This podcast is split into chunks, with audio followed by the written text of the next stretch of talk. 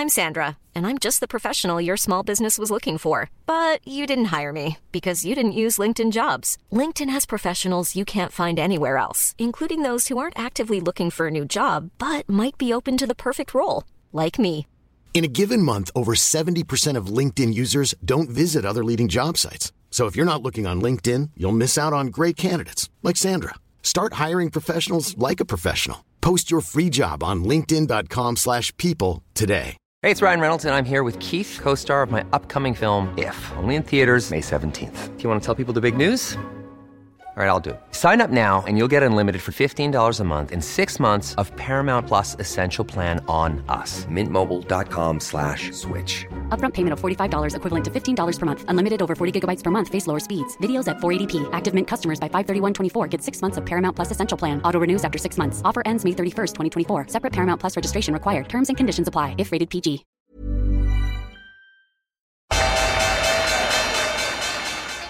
They mistook leverage for genius. Leverage for genius. I would recommend Japan. The governments don't rule the world. Goldman Sachs rules the world. Velkommen til den 124. episoden av podkasten 'Tid er penger', en podkast med Peter Warren.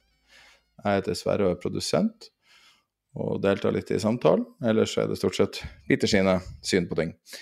Eh, I dag har vi massevis av tema. Vi skal ta for oss noe vi har forskuttert en gang, par ganger, som er det som kanskje, kanskje ikke driver markedet nå mer enn noe annet, som er gamma, og snakke litt om, om hvordan det er the tail is wagging the dog. Så det tror jeg kan være interessant. Og så skal vi snakke om strømmarkedet, det største temaet som er i Norge, så vidt jeg kan se nå. Og vi har et intervju som er av den sponsa varianten. Sammen med eh, Tibber sin grunnlegger. Utrolig interessant, helt fantastisk selskap. Anbefaler på sterkeste å høre, høre hele. Uh, og så eh, har Peter oppdaga at de smarte pengene cash, casher inn, skråstrek casher ut. Vi var litt usikre på hva som var riktig begrep. Uh, og så snakke litt om uh, salg av ordreflyt og bitcoin og reverse repo. Og diverse andre ting. Det er masse nyheter rundt bitcoin og diverse. I dag hadde vi et litt annerledes oppsett enn tidligere. Vi hadde veldig mange tema, og så valgte vi litt hva vi skulle snakke om. Så det som blir overflowen, det som ikke tas med av research og diverse, kommer inn i nyhetsbrevet. Så hvis du går på www.tiderpenger.no nyhetsbrev, så kan du abonnere på det, og da får du det tilsendt rett etter podkasten er lagt ut. Og hvis du abonnerer, så får du den siste automatisk, tror jeg. Eh, ellers så har vi en rekke andre tjenester på www.tiderpenger.no. Uh, der vi har ja, my mye forskjellig, så jeg skal gå gjennom det igjen. Men hvis du har hørt på før, så har du sikkert hørt denne regla. Uh, og nå er det bare noen timer til de første valgresultatene kommer, så får du ha godt valg, og så starter vi episoden nå. Ja, da har vi sittet og brukt 45 minutter på å gå gjennom hva vi skal snakke om, så da er det kanskje Da er vi så forberedt som vi noensinne har vært, så det her blir sikkert en fiasko. Men vi har snakka om gamma de siste ja. ukene, og vi har snakka om innledningsvis liksom, at, at, jeg hadde sett litt på det. Og jeg har jo ingen uh, direkte erfaring med opsjoner, mens du har ekstremt mye direkte erfaring med opsjoner. Så uh, jeg snakka med en aktør som er veldig stor i, i, i markedet, og så spurte jeg han For han drev og snakka om gamma hele tida. Så spurte jeg hva er det egentlig du mener? Fordi at altså, jeg har vært i en eller annen form for finans i veldig lang tid og føler at jeg klarer å ta de fleste tingene relativt på på strak arm, men jeg syns gamma var utrolig vanskelig å, å ta inn. Og så sendte jeg meg noen analyser og diverse, litt sånn eldre ting, da. Og da var det bl.a. en Q&A med Goldman Sachs, uh, der de hadde gått gjennom gamma option driven equity flows. Så i praksis, da, når man snakker om gamma, det er jo et unødvendig komplisert begrep, men det er og Du må gjerne avkrefte og bekrefte de tingene jeg sier nå, men det er um, når de dem som er marketmakere, må hedge opp posisjonene dem selv. Ikke sant? Ja, altså gamma er jo en matematisk funksjon av, av, uh, av en opsjon. Um, og, og, en opsjonsberegning Um, jeg vet ikke om du vil at jeg skal forklare det nå, eller om du vil fortsette litt? ja, vi, vi, trenger på en måte å gå i dybden på det, for det her, Nei, nå er vi mer på, skal... på 10 000 meters høyde og ser på hele markedet og hvordan ting funker. Um, men, men, det Goldman sa, var Gamma has the potential to be one of the most important non-fundamental flows in equity markets. Og Det var i fjor sommer. Og så kom jo da GameStop tidligere i år, og veldig mange hørte begrep de aldri hadde hørt før, og ble på en måte vant til å si gammaskvis, f.eks. Og det er jo et veldig direkte uh, relevant uh, tema for, for, det vi snakker om nå. Men så vidt jeg kan skjønne, så er det ingenting som har endra seg også siden da. Og det her er i aller høyeste grad en stor driver av markedene i dag. Så markedene er veldig tynne, dvs. Si, altså lite likviditet, lite reell etterspørsel. Sånn at, at, markedet har på en måte blitt en sånn permanent flippa inntil vi ser en korreksjon, der du har ingen naturlig etterspørsel etter aksjer, eh, og du har ganske stor etterspørsel etter opsjoner som eh, har skapt at opsjonsmarkedet til en viss grad driver aksjemarkedet. Um, og et konkret eksempel da var i uh, mai i fjor. Da var det um, uh, veldig mange som kjøpte Eller én eller flere, man vet jo ikke helt da, som kjøpte Tesla Calls som var nesten 100 dollar, altså sånn ca. 10% over aksjekursen, med forfall neste dag. Og det var ikke en spesiell dag der man hadde kvartalstall eller noe sånt, det var bare en, en vanlig handelsdag. Og det som skjedde da, når de kjøpte eh, vi se hvor mange Det var vel 48 eh, 400 call-opsjoner eh, som forfalt neste dag. Som virker ja. som liksom bare gi bort penger, med mindre du vet noe. Og det gir deg retten til å kjøpe 4,8 millioner aksjer, med andre ord. Ikke sant? Enorme summer. Ja. Og eh, og det som skjedde da, var at marketmakeren som hadde solgt de opsjonene, var jo da eksponert for å potensielt måtte ta, lever, altså levere alt det her om 24 mm. timer. Ja. Og så benytta de seg av uh, Det var visst en regel som sier at uh, marginkravene til broker-dealere blir regna ut klokka ti amerikansk tid. og, og da var det så timing av transaksjonen var rett før det her, så de måtte kjøpe de her aksjene relativt raskt for å dekke seg. Og det her konkluderte med at Tesla altså var, De hadde kjøpt opsjonene 100 dollar over kursen, og Tesla steg 40 dollar. Ok, opsjonene forfalt verdiløse. men hvis det her personen eier masse aksjer eller eier masse andre opsjoner i Tesla, så er jo den plutselig in the money, eller mye mer mm. verdt. Og det her mikrokosmoset med det her Tesla-transaksjonen er vel kan forklare mange av de rare tingene vi har sett de siste, de siste 18 månedene i finansmarkedene. Der ting som er så kronisk overprisa, og det her kan være ilden, mens alt det andre er røyken. Og da er spørsmålet til deg, hva du syns om denne teorien om å se på Gamma på den måten? Jo, altså gamma er, er, viktig når det er en stor åpen balanse av uh, opsjoner. F.eks. som du nevner, var, det 800, var, var streiken 850 i, uh, i, Tesla? Ja. Jeg tror okay, kursen lå på ca. 750. Ok, så kursen så er 100 dollar opp. Så da kan du si at eh, dagen før så er det da noen som kjøper um, uh, Tesla-opsjoner, som da, hvis kursen går til 850 eller mer, tilsvarer 4,8 millioner aksjer. Det som er da, er at siden det er 10% opp og bare en dag igjen, så vil ikke marketmakeren gå ut og kjøpe 4,8 millioner eh, Tesla-aksjer. Han vil muligens kjøpe noe sånt som noe sånt som 5% av det. Altså så, så, la oss si at han kjøpte 240 000, eh, 240 000 eh, 240 000 uh, aksjer for å dekke den risikoen. Men fordi det er så kort tid til forfall altså Han kan jo, hvis den kursen går opp, så kan han måtte levere da, fire, som du sa, 4,8 millioner aksjer. Så for, for, en, for en sånn marketmaker så idet han gjør den, så dekker han risikoen. For det er ikke sånn at noen plutselig kommer og, og tar ut uh, en, så mange op opsjonskontrakter uten at du, du hedger. Fordi som marketmaker, i det øyeblikket, hvis dette er gjort på, på skjerm, eller om du ringer en marketmaker, så vil marketmakeren gjøre hva vi kaller en delta hedge. Så følsomheten til den, den, opsjonen i det den ble gjort, var, kan, var kanskje bare 5 altså så hvis, uh, hvis, det gikk opp én dollar, så gikk, uh, så gikk uh, opsjonspremien opp bare 5 cent. Det var i utgangspunktet. Men da, hvis det da kom inn andre kjøpere samtidig og begynte å dra dette, dette, oppover, så det nærmere du kommer 850, som jeg tror du sa innløsningskursen var, det mer sannsynlige er at marketmakeren må levere 4,8 millioner aksjer, ergo må han stadig kjøpe mer. Så det er det som skjer i gamma. Altså Hvis du tenker deg Gamma er ikke lineær, da. Som andre ord, altså hvis kursen går fem dollar høyere, så skal du ikke ha La oss si at du måtte kjøpe Hva var det jeg sa 5 sa, fire, Ja, 24 så er 180 millioner dollar i ja men, si at, ja, men la oss si at du kjøper 24 000 aksjer, da, ikke sant. Og så går, og så går den et nytt inkrement oppover, så skal du ikke ha Eh, så skal du ikke ha 48 000, og så går den samme tilsvarende distanse oppover, så skal du ha ytterligere 24 Denne, Dette er, er ikke lineært.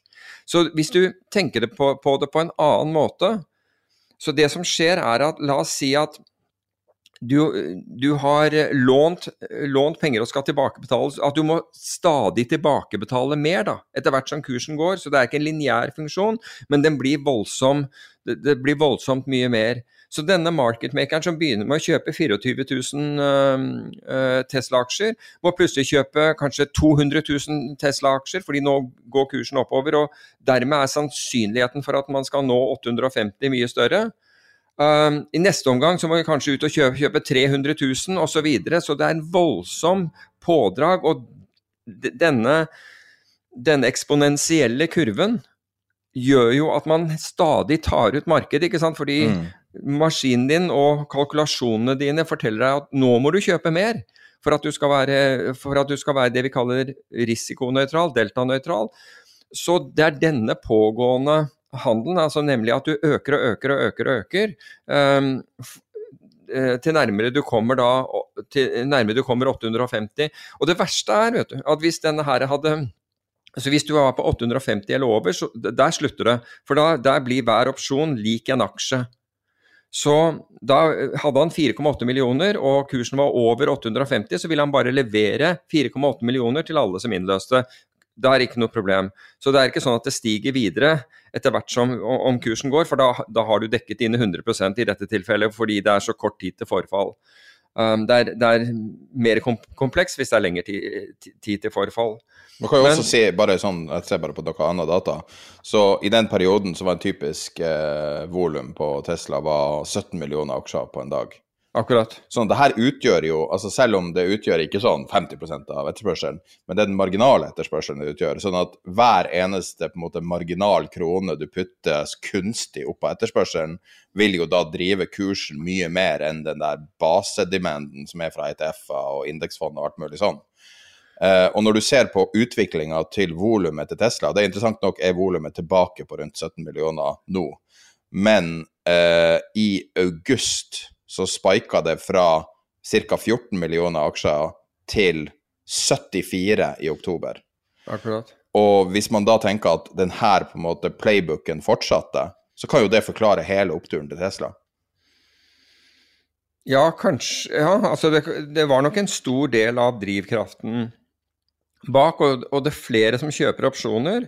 Altså Forutsatt at de kjøper disse kjøpsopsjonene, og med andre ord marketmakere blir, blir short opsjoner, men de, de, de sitter da og, og, eier aksjer. Det, det mer vil dette, vil dette slå ut, fordi du skal stadig ha mer. Men det som i dette tilfellet, da, hadde, hadde kursen endt på Nå sa du at den endte godt under 850, men hadde den vært på 849 Mm. Ved forfall så hadde antageligvis denne marketmakeren hatt 4,8 millioner aksjer, som på det sekundet hvor forfallet forfallstidspunktet, altså, og det er, en, det, er jo, det er, jo, på et klokkeslett på dagen Hvis den var Altså hvis den var 800, eller Det er forferdelig hvis den er på 850 akkurat, for da vet han ikke om han blir innløst eller ikke. Da vet han ikke, men hvis den er over 850, så han, da blir han innløst. Men er den på 849 f.eks., så må han dumpe 4,8 millioner rett ut i markedet, fordi ellers har han kursrisiko på disse. Ja, det er interessant. Men uh, det er jo veldig, veldig lett å skjønne når man da ser på det fra det her perspektivet, som er dog, uh, dog wags to tail or tail wags to dog, så ser mm. de jo her hvor lett i et tynn Vi har jo snakka, eller du har snakka veldig mye om, om tynnheter i markedet i, siden starten av podkasten, og det at det er veldig lite reell etterspørsel etter aksjer, og har vært det i lang, lang tid, og det er mye høyfrekvensaktører i markedet. Ja, i, i volumet som vi ser. Altså, vi ja. vet jo at det er etterspørsel. Re, det reelle volumet. Ja. Sånn at, uh, at, det vi ser, er, uh, er, er relativt Altså hvis man da går tilbake til det der uh, Goldman-eksempelet, så snakker de jo om Altså når man skal bruke gamma for å tenke rundt trading, så er det jo da om de dealerne rundt omkring er long eller short gamma. Eh, det er det, sånn de bruker som en betegnelse. Og, og, den biten er veldig vanskelig å vite hva folk er, hvordan eksponering de forskjellige har til enhver tid, for det er jo ikke åpen informasjon. Så det vil kreve litt altså, analyse. Nei, det er ikke, men, men, du ser det altså, Jeg snakket med, med, med folk i Nasdaq i forrige uke, og de, de fortalte at i, i Stockholm så var det mye vanskeligere å, altså for, for, kunder å få kjøpt mye opsjoner, altså, nemlig å gjøre marketmakerne short, fordi marketmakerne der ønsket faktisk å være long gamma. Mens i Norge, i hvert fall slik det var tidligere, nå, ikke, altså, nå er jo markedet ganske tynt her, men så var, så var, jo alle institusjonene og en del av, av, av de, de hedgefondene som finnes i, i Norge, de var jo alltid utstedere av opsjoner. Så der, så der var liksom Altså med carry, altså for, for å samle ja, for, ja, ikke sant. For det de gjorde, de kjøpte, de kjøpte aksjer, og så, og så, solgte de opsjoner på, på, disse aksjene. Så de var stort sett short. Uh, så de presset jo ned volatiliteten. Og hvis det er en form for systematikk i det, så er det faktisk interessant å, å f.eks. Å, å kjøpe norske Altså hvis du skal ha hedge, da Um, så, så, eller, eller, faktisk mulig til å trade det, det er, det er at du kjøper norske, kjøper norske opsjoner, f.eks. på indeksen, og shorter, um, og shorter tilsvarende svenske opsjoner fordi du får bedre betalt i, i, det landet. Men når det gjelder Ta USA, da, som er, hvis vi snakker Tesla, er stort sett er amerikansk og uh, I hvert fall de, de store marketmakerne er amerikanske og, og, og britiske. Der vil du se at at nettopp pga. GameStop, som da gruset såpass mange og kostet så mye penger, så er det klart at de, de, de, de gjentar ikke sine feil. Så når de har opplevd dette her et par ganger, så sørger de da for at out of the money-opsjoner, altså opsjoner, hvis det er kjøpsopsjoner, som har innløsningskurs langt over dagens, uh, dagens aksjekurs, de sørger for å gjøre de forholdsmessig dyrere, slik at de skal ta høyde for at sånne ting skjer. En annen ting de gjør, er at de vil forsøke selv å kjøpe opp. altså Når noen tar gevinst i opsjoner, sant, så er de villige kjøpere uh, av disse, slik at de ikke får denne veldig negative gammaen som, som, da vil gjøre at de må stadig kjøpe mer. Du må huske at det blir litt sånn, altså spesielt rundt Reddit og alt det der, der som skjedde, at når hovedtyngden av Reddit-følgere, som da er antageligvis er, jeg, eller jeg mener jo sterkt at det er retail-tradere, altså med andre ord ikke profesjonelle tradere, når de først hører om dette og begynner å kjøpe og, og, og herje på denne måten, så har allerede marketmakerne blitt smarte nok til å heve prisene sine, slik at du får ikke den samme effekten som f.eks. man fikk i, i GameStop til, til, å begynne med, fordi de har allerede hevet prisene. Og de aller fleste retail-tradere sitter ikke på Uh, sitter ikke på um, regnemodeller som kan fortelle dem at, at denne her opsjonen er jo vanvittig høyt priset egentlig i forhold til hva den burde være. Fordi de sitter ikke på, på den type Men det, det, som er med den gruppa, er jo at det er jo gambling. Jent. Det her, ja, ja. De kaller det yolo, men, det, ja. men det, er jo, det, er jo, gambling. Jent. Men hvis du ser eh, et marked som kanskje ikke er helt forberedt på, på den der Wall Street Bets kulturen, uran. Mm. Og det er jo et marked som jeg har fulgt med med et, sånn, et halvt øye nå i ganske lang tid, og det er jo opp veldig mye. Og du har um, det der uh, NETF-en um, Sprott? Ja, Sprott uh, mm. Physical Uranium Trust, og så ja, som runda en milliard i forrige uke. Og så har du den der Energy Milliard til forvaltning, ja. ja. Mm. Og det her er jo et utrolig spesielt marked. ikke sant? Altså, det, har jo, det har jo en en veldig kontroversiell bruk. Eh, men så ser du på de selskapene også, og i dag, før åpning i USA, så er eh, 4W, altså Energy Fuels, er opp 5,6 eh, Den Ur Energy, som URG, er opp eh, 4,8% USC er opp 8,4 Altså alt er opp i dag. Og eh, rett før vi starta, så bare satt jeg liksom og så på markedet når vi, akkurat når vi hadde kobla oss sammen, og så så jeg da en kommentar som bare basically forklarte alt sammen. Og det var en kar på Twitter som sier 'Looks as though the Reddit crowd has discovered uranium'. og, Ja, altså- og hvis det er indikativt, så kan jo det her gå parabol nå. Eller ingenting, selvfølgelig. Ja, ja, det kan jo det. Du kan si at det, det, den ETF-en du nevner, den kjøper eh, uran. Altså, så den sitter på, på uran, sånn som uh, det gullfondet som heter GLD, sitter på, sitter på gull. Så, så, så Sprott har jo spesialisert seg på, på denne type ting. og de og, og denne her er regnet som svært vellykket, siden den vippet over en milliard dollar til, eh, til forvaltning i, i forrige uke. Men uran, altså markedet for uran er jo langt, langt tynnere enn markedet er for, er for gull, så, så her kan jo my, mye skje. Det er sant. Det er mystisk, og, alt vi ser nå er bare og Det er artig å se konturene av en potensiell boble, eller konturene av en veldig stor skuffelse. Nå er de jo opp flere hundre prosent fra eh, eh, høsten i fjor. Mm. Og jeg regner med at delvis må jo være den vridninga mot grønn energi med den FN-rapporten skulle jeg tro er medvirkende årsak, men da Mulig. Jeg- har du en idé om hvorfor det er så mye opp? Nei, jeg har ikke fulgt, eh, fulgt det så mye. fordi jeg, jeg husker da, da uran først ble introdusert, så var jo alle overbevist om at dette her skulle gå noe fryktelig osv. Jeg, jeg har aldri tredd dette selv, men jeg la merke til at det, det, det virket som til tross for at det var plenty nye kjøpere inn i markedet, så gikk prisene nedover. Så jeg tenkte at her, her skal du holde deg unna, for dette her kan være omtrent som lumber, altså Ja. tø tømmermarkedet. Som er et veldig, veldig spesialisert marked.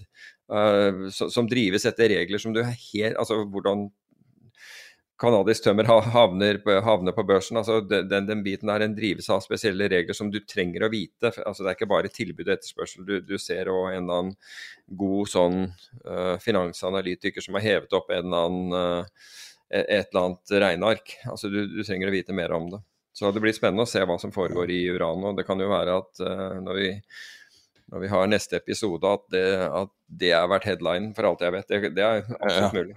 Men du vet jo hva som er triggeren for uran, den virkelige triggeren. Jeg vet jo hva Altså, jeg tror Altså, det, det er jo selvfølgelig Du vet jo hva det er. Elon Musk. Når han begynner å si et eller annet om uran, så kommer det til å gå amok. Og han har snakka om uran tidligere i år. Husker du det? Han snakka ja, jo om atomkraftverk. og Ja, hvis han begynner å blande seg inn i det her, oh my lord. Og det her er jo et Jo, men, marked men som tror du ikke at han har mistet en del inj- injurierende kraft, altså injurierende i, eh, i anførselstegn kraft, altså etter disse her ville Nei, jeg vet ikke. Jeg tror folk hører på han fortsatt. krypto? Jeg tror folk er Jeg tror ikke han har den samme kredi kredibilitet, men, men hva vet jeg. Ja, tenk hvis han begynner å si at han kjøper uran NTF. Skal vi se hva som skjer. Det har vært interessant å se den gå ned. Det er det som har vært interessant da. Ja, men det er jo Det her er jo et marked som det, det, Jeg bare skulle se noe kjapt liksom, hva i alle dager er årsaken bak det her, og Bloomberg sier Nei, det er Sprott som driver markedet opp. Så det er rett og slett retail demand etter uran. Uran er blitt den neste tingen folk snakker om, og eh, siden det er et så lite marked, så kan det vel corneres til en viss grad, så Ja, vi kan jo følge den på altså Vi har jo dette her eh, Dette watchlisten vår, Ja. vi kan jo følge over der. ja. Så vi keep you posted. Men det er bare artig tema å touche på, noe litt uvanlig. Men når vi er inne på Robin Hood, så kan vi jo ta så vidt Vi har jo snakka mye om Gensler, og eh, det går signaler fram og tilbake som sier at eh, betaling for ordreflyt kommer til å ikke bli et tema og ikke bli stoppa. Og så er det eh, Ark snakker jo veldig varmt om eh, salg av ordreflyten til, eh, til Robin Hood. Så de mener at det er gjort på den måten at det ikke påvirker prisen i det hele tatt. Eh, mens eh, Gary Gensler eh, sier at han eh, har lyst til å kanskje bende det. Og det er mye snakk om det her, og det er jo 80, over 80 av inntektene til Robin Hood, så det er jo relativt ganske relevant. Ja, altså det, det første som skjedde, var jo egentlig at det virket som Gensler brød seg mindre om det en, periode, og, og hadde, hadde full fokus på eh, på, på, krypto. Men så kom det ut da en, var det en dame i, eh, i uh, Federal Deposit Depository Insurance Corporation, altså et statlig. Ja, FDIC, ja. Uh, Sheila Blair, som kom ut og, og mente altså Hun sier critic, critics say payment for order flow uh, represents an inherent conflict of interest. Um, fordi, uh, fordi altså, du betaler den ene, ene parten, på, og, og, den andre parten blir da skadelidende. Og Det var først etter at hun kom ut, så så jeg da at Gary Gensler, altså nye sjefen for uh, amerikanske finanstilsynet, sa til Barons at banning uh, payment for order flow is not off the table. Um, eller han sa 'is on the table', faktisk. Så det er litt sånn interessant å se hvordan den, det har, har endret seg i det siste. Og hvis du drar den da til, til Robin Hood, så, så, var jeg inne og så på, på Robin Hood her for ja, godt over en uke siden, og så var det en av lytterne som på, på Discord spurte om, hadde et spørsmål om dette her, og, øh, om opsjonsanalyse av, av uh, Robin Hood. Og det jeg da så, var jo at at du ville jo tro at når det er en Jeg husker vel riktig når 81% av inntektene, er det ikke det, eh, til Robin Hood kommer fra, eh, fra salg av ordreflyt. Jeg mener at det var 81% Men du ville jo da tro at de som, de som kjøpte Robin Hood-aksjer, ville være bekymret for det, og andre ville kanskje spekulere på at at uh, det amerikanske finanstilsynet ville gjøre et eller annet som reduserte disse inntektene, og følgelig så ville folk gå da short eller kjøpe salgsopsjoner. Men da jeg gikk inn og så på dette, og jeg gikk da senest uh, om det var torsdag eller fredag i, i, forrige uke for å oppdatere meg, så ser du at uh, de innløsningskursene på, på Robin Hood-aksjen hvor det er størst åpen uh, balanse, altså mest uh, åpne kontrakter, de er faktisk uh, altså det er fra 40 dollar, altså røftlig hvor vi er nå, og oppover. Så det virker Det var lite på nedsiden. Så til tross for denne her usikkerheten, så virker det som få har tatt tak i ta tak i det og tenker at vet du hva, hvis 81% av inntektene blir borte, så, ikke, så, kommer ikke denne aksjen til å gå, gå ned 5% Den kommer jo ja, altså hva vet jeg til, halvere seg eller, eller hva som helst.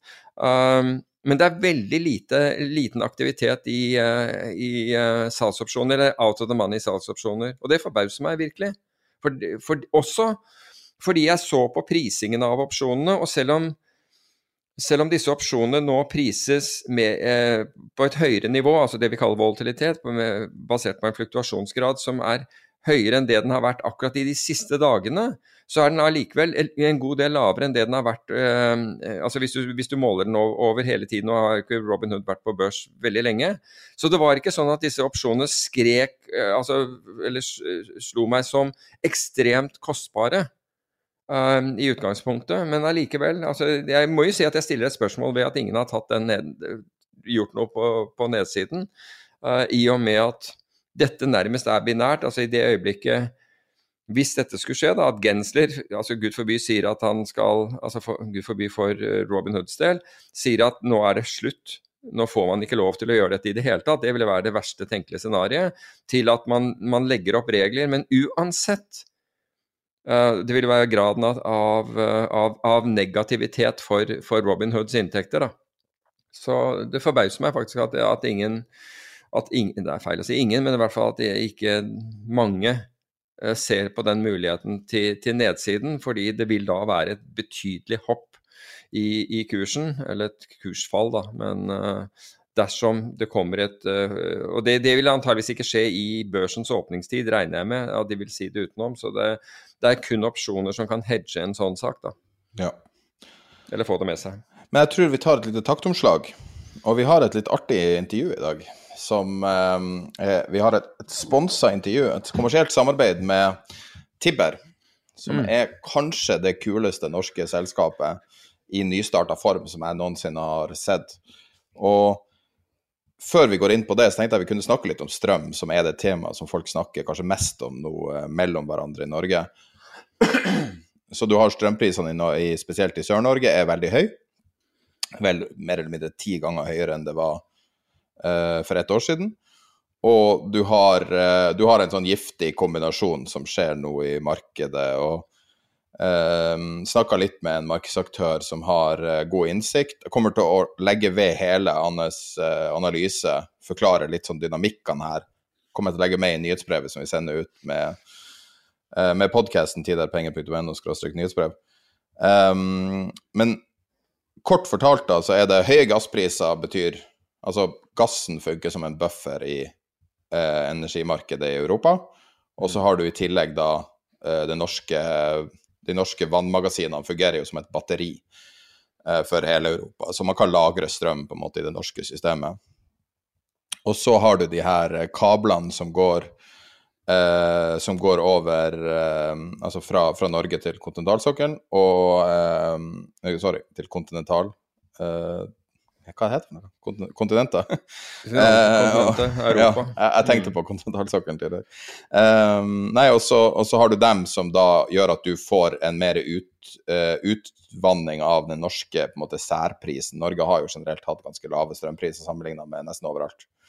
Og um, Eh, sånn at nå har du fått en sånn giftig kombinasjon med du har tørre, tørre vannmagasiner i Norge, du har høy gasspris, og du har de her kablene som eh, gjør at vi på en måte importerer høy, høy pris, på en måte.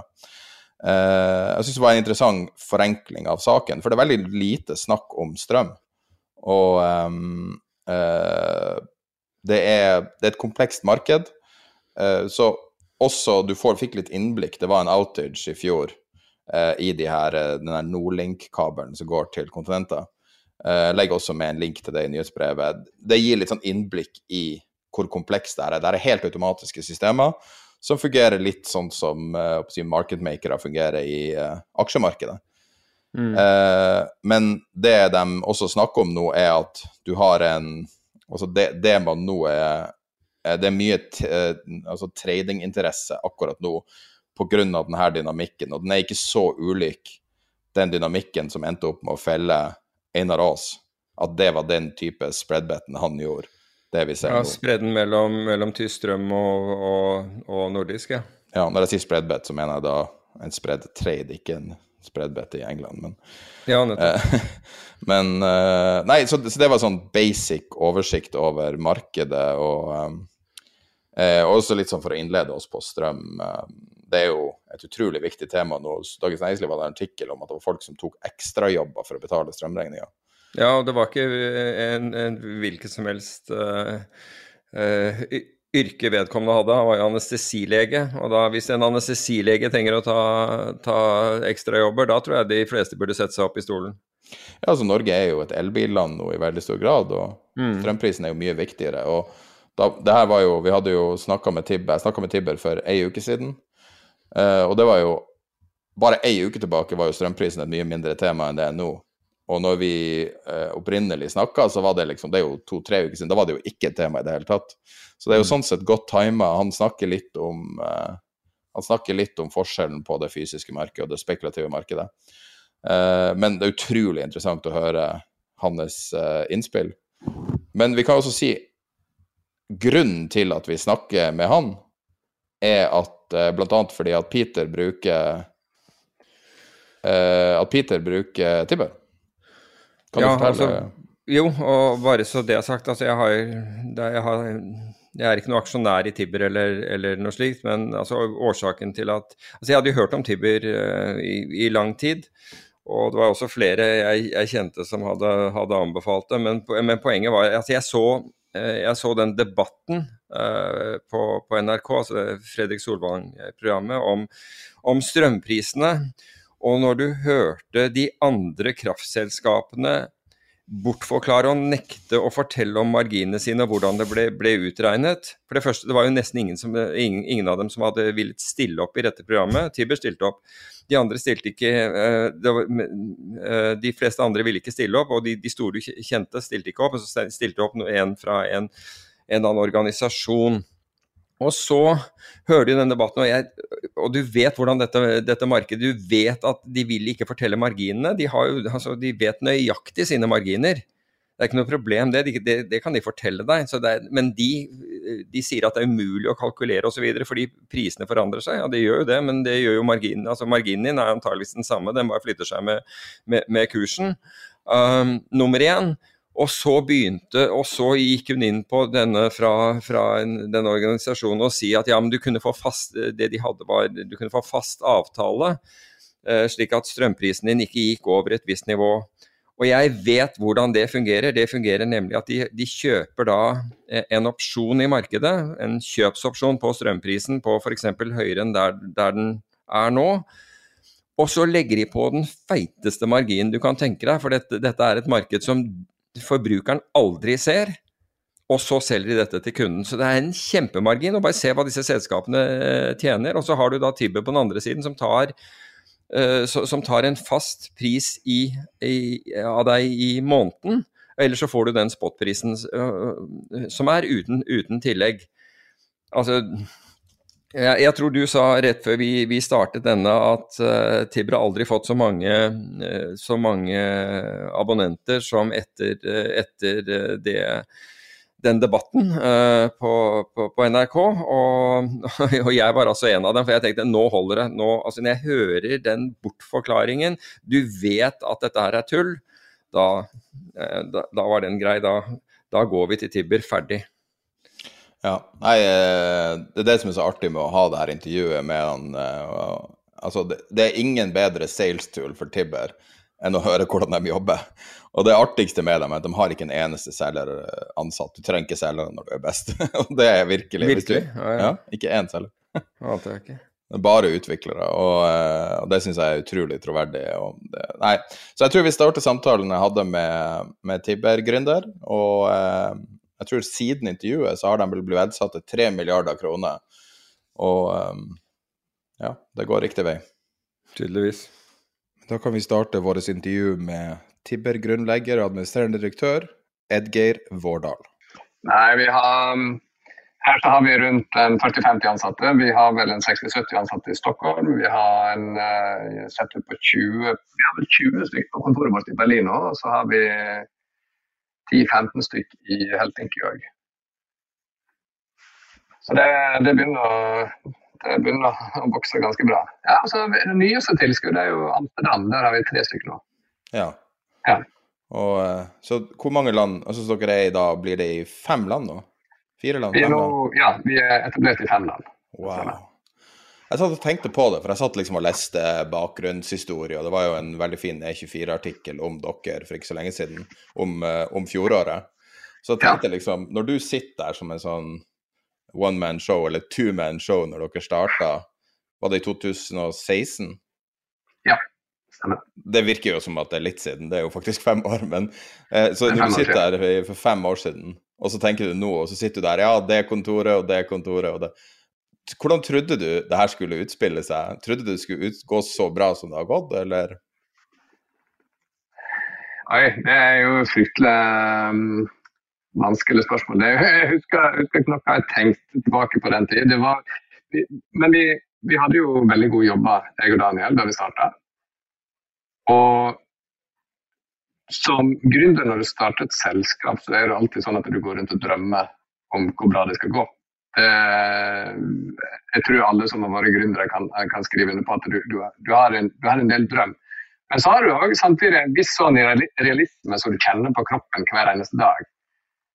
Og på det tidspunktet så skal vi vel En kan jo alltid drømme om at ja, vi blir tusenvis av ansatte, vi har masse lokasjoner, millioner av kunder osv. Men de mer realistiske planene var jo strakk. Klarte, vi klarte vel kanskje å se én til to år fram i tid, maksimalt. Og det, det vil jeg påstå fremdeles er situasjonen i dag. Jeg klarer å se ett til to år fram i tid. Noe særlig forbi det klarer det, det, Da blir det så mange, det er så mange alternative veier vi, vi, kan gå hele veien. Så um, Nei, jeg tenker at det, det er vi, vi, så vel ikke for oss det her. Det, det må vi ærlig innrømme. Er ikke det en uh, deilig følelse, da? Jeg, jeg, liker å snakke med gründere som har kommet akkurat til det nivået du har kommet til, fordi at du har fortsatt litt den der barnslige gleden med salg. Jeg vet ikke om dere har ei bjelle eller hvordan det opererer, men, men, du er ikke helt kommet i corporate-modus. Du er liksom akkurat mellom de to, føler jeg, på den perioden. Ja, vi er nok imellom to. Vi driver og kjemper mot å, å, bli corporate. Vi, vi, ønsker jo ikke noen corporate kultur. Vi ønsker å ha den gründerkulturen med hele, hele veien. Sant? Der du har du kalte det barnslig glede, og det er vel det er kanskje en grei beskrivelse. Du har på en måte denne her eh, nysgjerrigheten som en, som en, liten unge har. Du har gleden som, uh, som en seksåring har når han får seg en iskrem. Du har entusiasmen som Ja, du, alle disse her tingene her, og de er jo sterkt levende fremdeles. samtidig som at vi er jo over 150 mennesker nå, så vi må ha en viss struktur òg. Alt kan ikke være fullstendig anarki. Så, så, det, så, er helt rett at vi står jo mellom fasen der med at vi, vi, må ha, vi, må ha, litt strukturer, samtidig som at vi, kulturene skal likevel være litt startup. Ja. Er det flat struktur, og det er du som sitter, du sitter sammen med de andre ansatte? og uh, Nå fikk jeg litt innblikk gjennom kamera inn i kontoret. Det ser ut som et koselig kontor. og uh, At det er sånn fellesskap, er det, riktig å gjette det? eller? Ja, vi, uh, nå er jo det sånn at vi sitter på fem ulike lokasjoner. sånn at jeg, eh, jeg, sitter jo sammen med alle her, men jeg sitter jo ikke med alle de andre. Og det er jo litt av uh, utfordringen med å sitte på litt ulike lokasjoner. Det er jo noe som alle har kjent på nå gjennom covid-situasjonen. Men, men, det å allikevel prøve å skape et sånt fellesskap og, og at ting er veldig transparent, det, må, det, har vi prøvd å jobbe med fra dag én. Slik at f.eks. for eksempel, hver, eneste fredag klokka to så har vi noe vi kaller weekly standup, der, vi, der vi samler hele selskapet til en, eh, ja, en standup-sesjon. Eh, standup i det tilfellet her betyr at vi står oppreist. Eh, det er vel ikke akkurat standup-show som i komikergreier, selv om det er høy stemning som regel på disse her fredagene. Og det er, jo, det er jo noe for oss å holde alle sammen informert om hva er det som skjer til enhver tid. hvor vi har sagt vi skal gå den veien, hvordan er vi på den veien, hva er det som skjer med alle andre ting, hva er det nyheter vi har, osv. Og, så videre, og så ja, skape det fellesskapet på, på, den måten. Så Det er en, en sånn ting vi, vi, må, vi, må, gjøre for oss å få, få, det til å fungere på tvers av så mange lokasjoner. Det er jo ganske påfallende. Eh, et annet selskap som er legendarisk for sine stående fredagsmøter med informasjon, er jo Google. Um, og eh, de holdt jo, hvis du ser gamle videoer fra wayback når de er med på ett kontor, så starta de med å stå for å ha kjappe møter. Og, og, det er jo på en måte veldig forenlig med hvordan dere uh, Altså, dere driver med strøm, men jeg vet ikke om dere sjøl eller, eller, andre oppfatter dere egentlig som et strømselskap. Er det riktig vurdert? Ja, vi, vi, prøvde jo i lang tid å unngå å bruke ordet strømselskap, for vi ville jo overhodet ikke være et strømselskap, selv om vi selger strøm gjennom plattformen vår. Uh, og vi har en app som på en måte ja, du, du, følger med på alt som har med strømmen å gjøre. Men vi innså vel på et tidspunkt at det, å klare å forklare uh, kunder og publikum hva det vi holder på med, uten å bruke det begrepet, det ble òg veldig umulig. Så til slutt så kalte vi oss selv et digitalt strømselskap. Veldig motvillig, selv om vi egentlig ser oss på som et mer sånn plattform- og teknologiselskap. F.eks. for eksempel så er jo i et, strøm, et vanlig strømselskap så er vel ja, en plass mellom 50 og 80 de er selgere. Og telefon, eh, ja, telefonselgere og den type ting. Vi har ikke en eneste av dem. Vi har i stedet 50% teknologer, ingeniører og programmerere. Um, så uh, ser du på innsida og hva vi faktisk leverer, så er det en del veldig veldig mye kontraster til strømselskapene. Men for en kunde så leverer vi òg en strømavtale og en del transaksjoner som har med strøm å gjøre. sånn at uh, vi måtte, vi måtte til slutt kalle oss det, selv om det var litt motvillig. Ja. Og det er vel eh, Jeg tenker på eh, når du snakker om en internettstrømselskap, så er det jo sånn som Revolut er jo en internettbank. ikke sant, altså Uh, Uber driver jo strengt tatt med taxi, men jeg tror ikke de ser på seg sjøl som taxiselskap og sånn. Og, og, det er jo, men, men det, det, jeg, må si, dere, dere er et spesielt selskap. Og uh, sånn som denne samtalen starta, nå er jo det her et kommersielt samarbeid, men det her starta jo med at jeg sa at jeg vil snakke med han. og eh, årsaken var altså, så, så for meg så er jo det her eh, 100% basert på ønske. Det har ikke en økonomisk bak, selv, selv, om det er et sånt samarbeid. Så, um, og, det, og, og, det, jeg tenker Jeg har aldri opplevd et selskap som Første gang jeg hører om det, det, det, var noe relativt nylig. Jeg, liksom, tenker ikke så mye på strøm og sånne ting, i likhet med mange. Og så begynte faren min å snakke om det. Og han er ikke nødvendigvis sånn som er først på alle mulige ting. Og han var veldig ivrig, hadde app og alt mulig han skulle vise meg. Og så begynte Peter å snakke om det, som også har podkasten, og han har også Tibber. Og så spurte jeg Jeg hadde besøk av eh, familien nå, søstera mi og familien, og dem bruker det. Og, så, og, og, det som er at folk snakker om det her med så vanvittig store, varme ord. Et strengt tatt et strømselskap. Det, hva, hva, er det dere gjør som, eh, som er spesielt? Hvis vi går tilbake i tid, så lagde vi på en måte en liste med hva er det strømselskapene gjør, og den bransjen gjør. Og så lagde vi en annen liste om hva vi tenkte man burde gjøre. Uh, og det var det stikk motsatte. Og, uh, og, og, noe av det som Kanskje for å svare på spørsmålet litt først, det, det vi fant ut at la, la, oss ikke lage et um, la, la, oss, la oss bare kikke på det som er. Jo, strømselskapet driver så prøver å prakke på deg dårlige biler som er best mulig for deg, dårligst mulig for deg, egentlig. Fordi punkt nummer to, de profitterer basert på eh, hvor mye margin det tar per kilotime. Så jo mer de selger, jo mer er det, er det de profitterer. Og, og, så bruker de telefonselgere og dørselgere på å selge deg avtaler som gjør at eh, Og, og disse telefonselgerne og dørselgerne de tjener gjerne 1500 kroner per, eh, per kunde som de banker inn. Og, og jo dyrere avtaler de, de, selger til deg, jo bedre får de betalt. Så det, det, det er et helt sånt regime som er bygd opp til at uh, her skal vi omgjøre mest mulig lure kundene, for at da tjener man, man best. Da, vi startet på det her, så fant vi ut at hele den businessmodellen her må jo være saga blått. Eh, la oss prøve å lage noe som gjør at det, en tjeneste som gjør at du, du, er på samme side som kunde, Eh, og da fjerner vi på en måte det at vi skal tjene penger på ditt forbruk per kilotime, det skal vi aldri gjøre. Så det var basis. Det er forretningsmodellen eh, og ideen vår. Strømprisen vil jo gå opp og ned, men allikevel har null i profitt per kilotime vil leverer. Sånn har det vært, og sånn vil det alltid være. Og det høres ut som bare en liten sånn papirgreie eller gimmick, men en ganske seriøst ment sak. Det, den gjennomsyrer hele selskapet, de gjennomsyrer alle ansatte som jobber her. Men det betyr at da må vi finne andre måter som vi tjener penger for. Vi kan ikke ha et selskap der vi aldri tjener penger, men vi skal aldri tjene penger på strøm og strømforbruket. Og Derfor begynte vi å heller ta betalt som en medlemstjeneste, 39 kroner måneden. Er det vi lever av. Eh, vi begynte også å lage teknologi som gjør at du kan spare strømforbruket. Så da tjener vi heller penger på, på ting som vi selger gjennom markedsplassene våre. Og så selger vi en del teknologi eh, og, løsninger til, til, andre.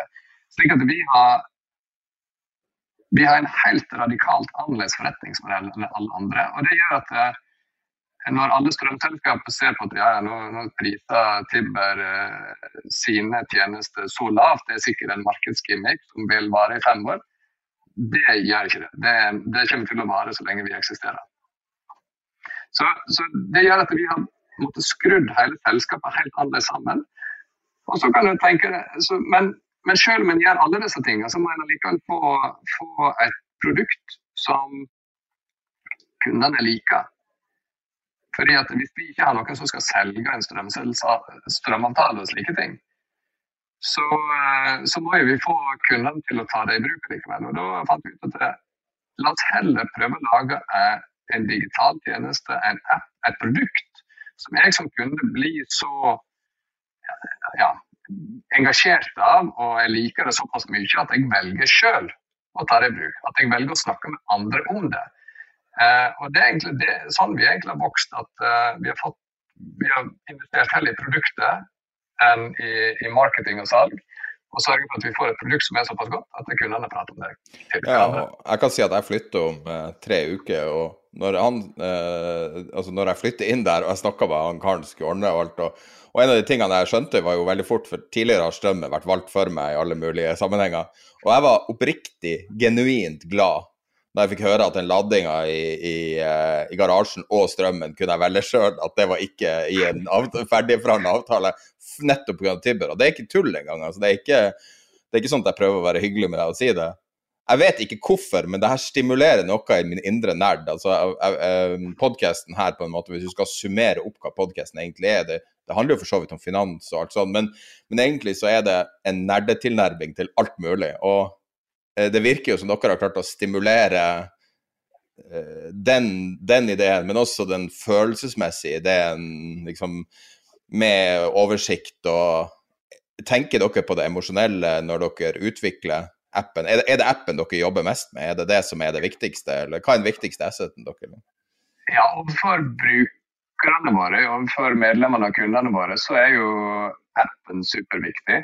Uh, og, og for så vidt en del av websiden og teknologien. Men, men, det er jo på en måte bare 20% av det vi jobber med. fordi at uh, når, man snakker om app-utvikling, så er det veldig mye av det som ligger bakenfor òg. Altså selve plattformen og alle data. og klare så crunche alle data. Noe av, det som, noe av det mest populære inni appen er jo å kunne gå inn og sammenligne seg med hvordan man gjør det i strømforbruket sammenlignet med nabolaget sitt.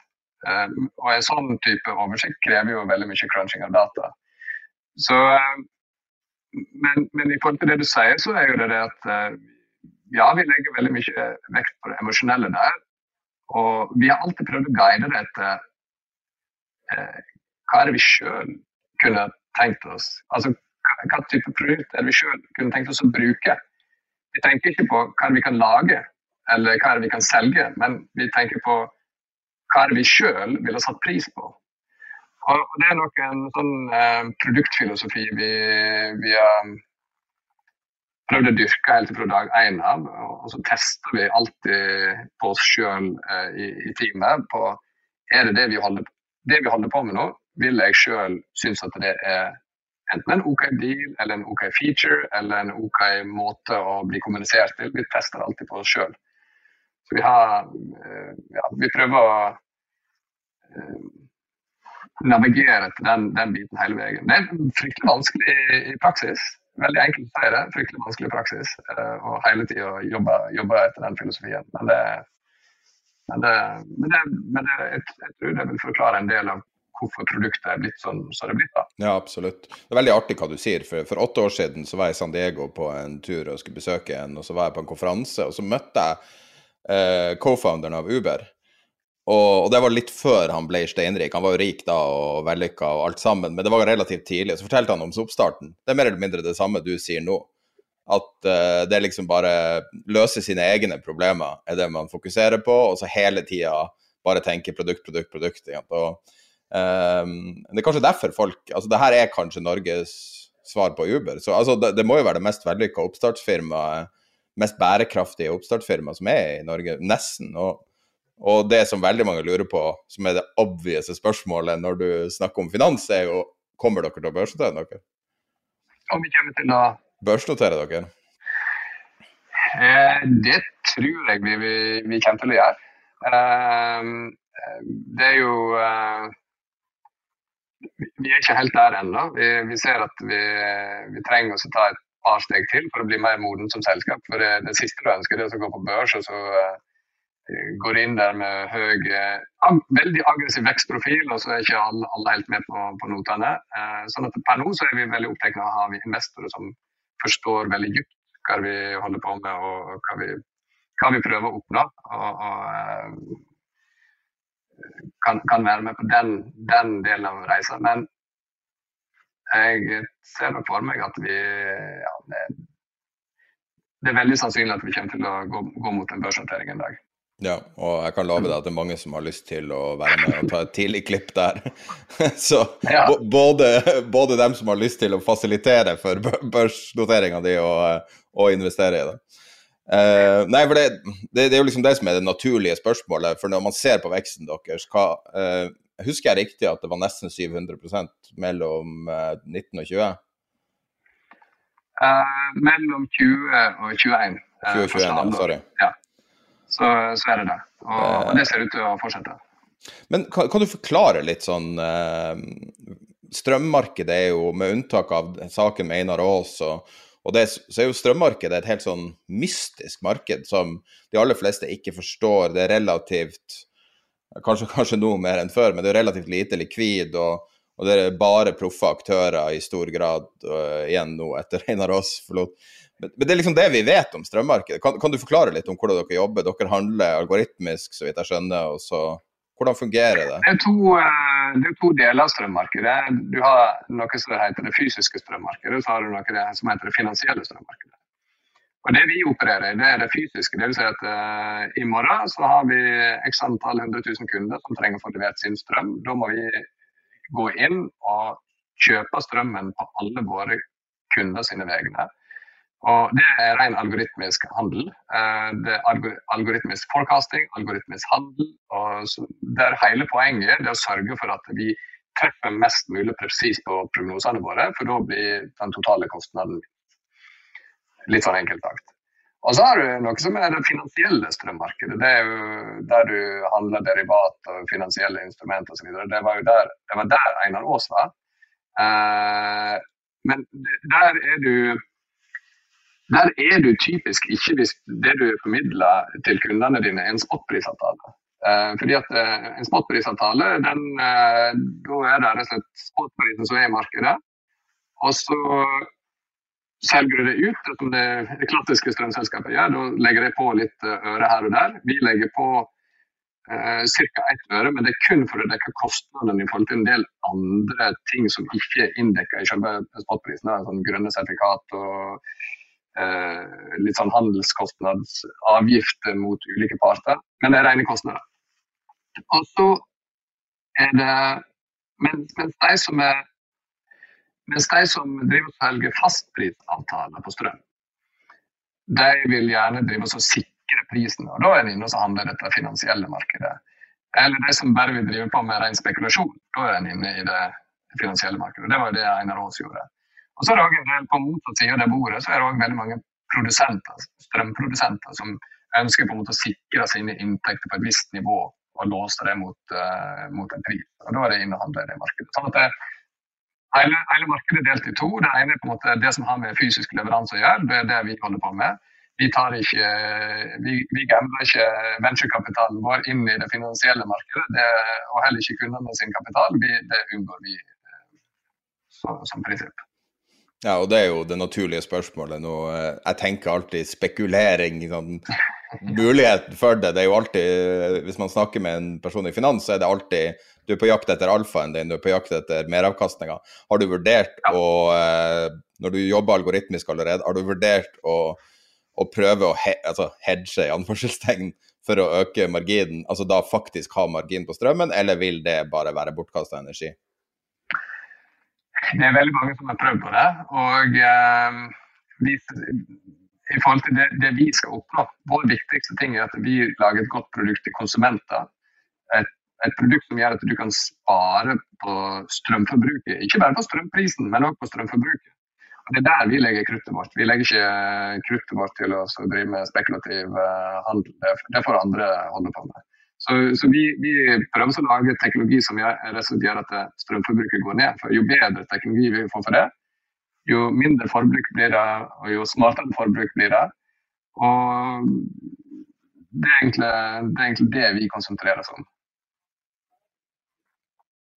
Det er, jo, det, det er jo kanskje, det er jo kanskje sånn viktig læresetning innenfor å starte opp et selskap òg. Du må ha et knallhardt fokus på hva man skal være flink på det, det, er veldig mange fristelser rundt oss. og Det du nevner her for å delta og spekulere i et finansielt marked, det er en stor fristelse.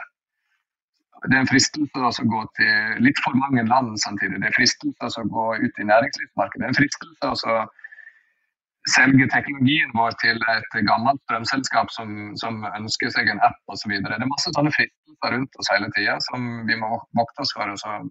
Sikkert, ja, det vi må gjøre, det er det vi skal det er det vi bestemmer oss for at vi skal være best på. Det, det ikke, det ikke, da er ikke det mange ting du, du kan gjøre. Da, da, er det veldig få ting uh, ja, man må fokusere på. Det er veldig uvanlig holdning å møte i Norge der, altså.